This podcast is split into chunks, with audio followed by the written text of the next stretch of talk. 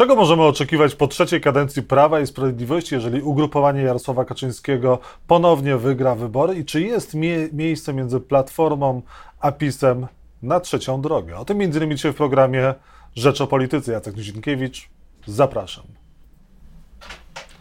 Jan Strzeżek, kandydat trzeciej drogi z warszawskiej listy, miejsce piąte jest Państwa i moim gościem. Dzień dobry. Dzień dobry Panie redaktorze, dzień dobry Państwu. To samo pytanie co do Piotra Ikonowicza. Lech Wałęsa ma dzisiaj 80. urodziny. Jak Pan ocenia postać Lecha Wałęsy i jego drogę? Jak powinien zapisać się w historii? Jak historia powinna go pamiętać? No przede wszystkim wszystkiego najlepszego dla Pana Prezydenta w takim, w takim razie. No niewątpliwie postać, którą, jeżeli byśmy wyjechali poza Polskę i spytali kogoś, kogo z nas, e, jakich Polaków zna. No to Lech Wałęsa będzie jednym z najczęściej wymienianych nazwisk, niewątpliwie legenda, e, abstrahując od jego dorobku politycznego już po etapie upadku komunizmu w Polsce, no to będzie na pewno osobą, postacią pomnikową. To, to, trzeba sobie z tego zdawać sprawę, niezależnie od tego, czy teraz się go ocenia dobrze, czy nie, to niewątpliwie w historii świata się zapisał i zapisał się jednoznacznie pozytywnie.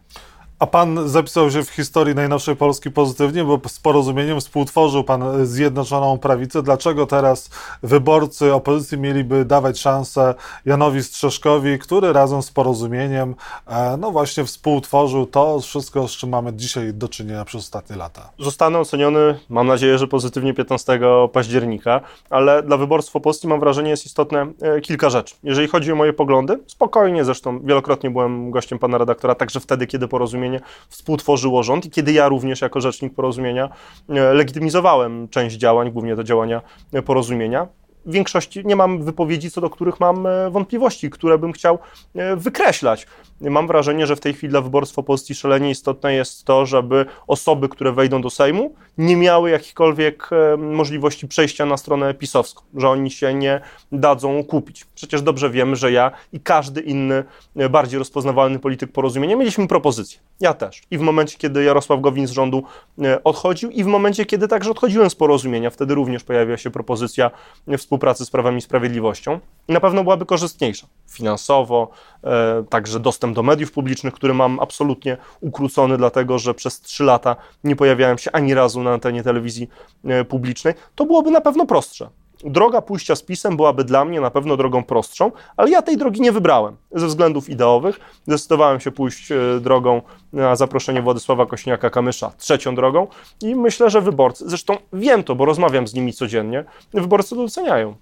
E, czego możemy się pan spodziewać po Prawo i Sprawiedliwości, jeżeli partia Kaczyńskiego wygrałaby kolejny raz e, wybory? Pan był w Zjednoczonej Prawicy, tak. więc coś pan nam może powiedzieć. Obserwując to, jak wygląda druga część drugiej kadencji, to podejrzewam, że trzecia kadencja to będzie już absolutny e, roller coaster. To znaczy PiS nie będzie miał jakichkolwiek zahamowań, bo wiedzą, że czwarta kadencja to już byłby absolutny ewenement na skalę świata w ustrojach demokratycznych. To byłoby niebywale ciężkie, dlatego tak jak już druga kadencja polegała w dużej mierze na tym, żeby politycy politycy PiSu i otoczenie pisowskie zabezpieczało się finansowo, tak trzecia kadencja to już będzie to samo, tylko do potęgi entej.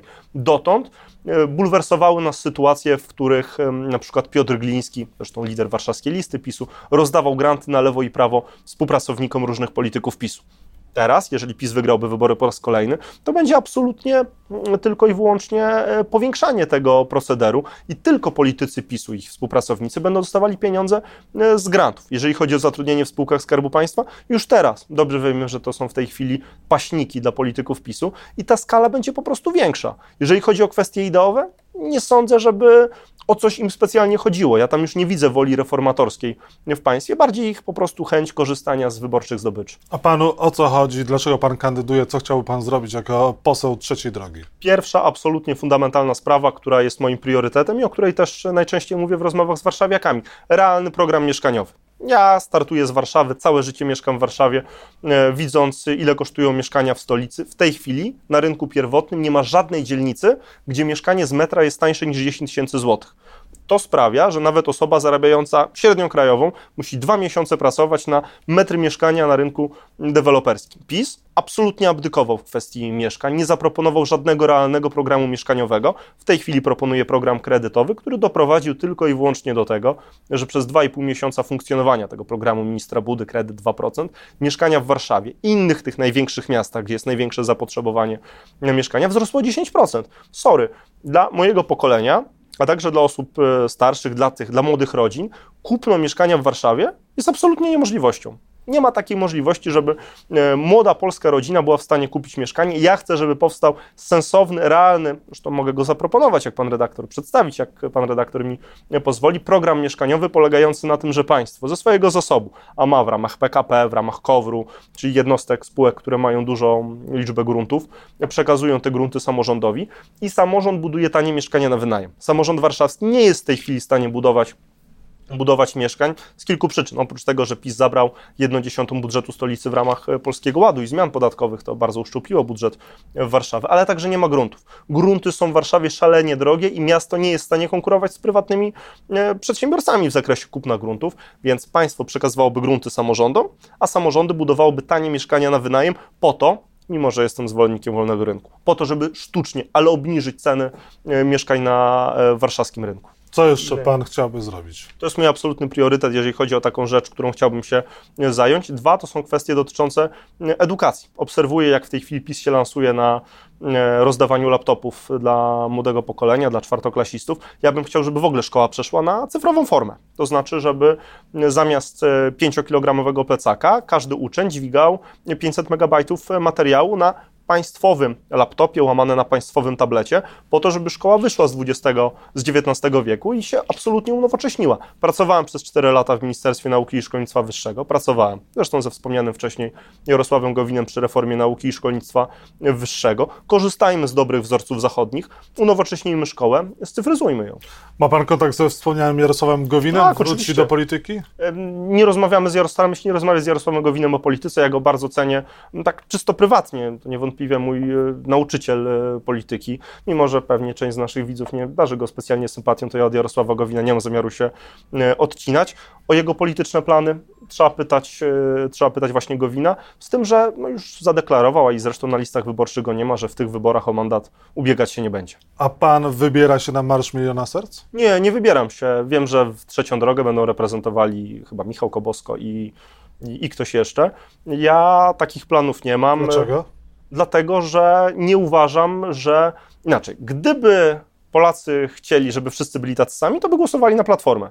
A różnice na opozycji są ważne. To znaczy projekt jednej listy, prawie jednej listy, obserwowaliśmy w 2019 roku przy okazji wyborów do Parlamentu Europejskiego. To po prostu nie wychodzi. To nie jest tak, że jeżeli wrzucimy wszystkich na jedną listę, to będzie działać, dlatego że z punktu widzenia wyborców, o, weźmy okręg warszawski.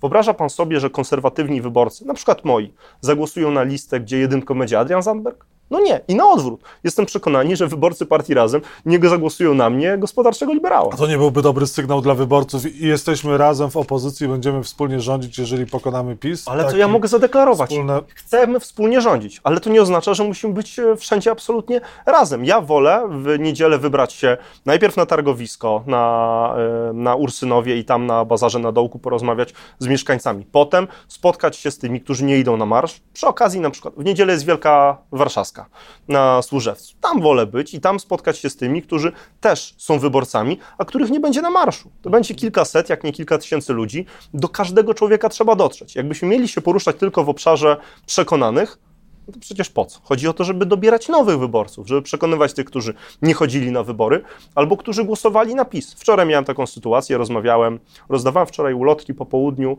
na metrze Służew.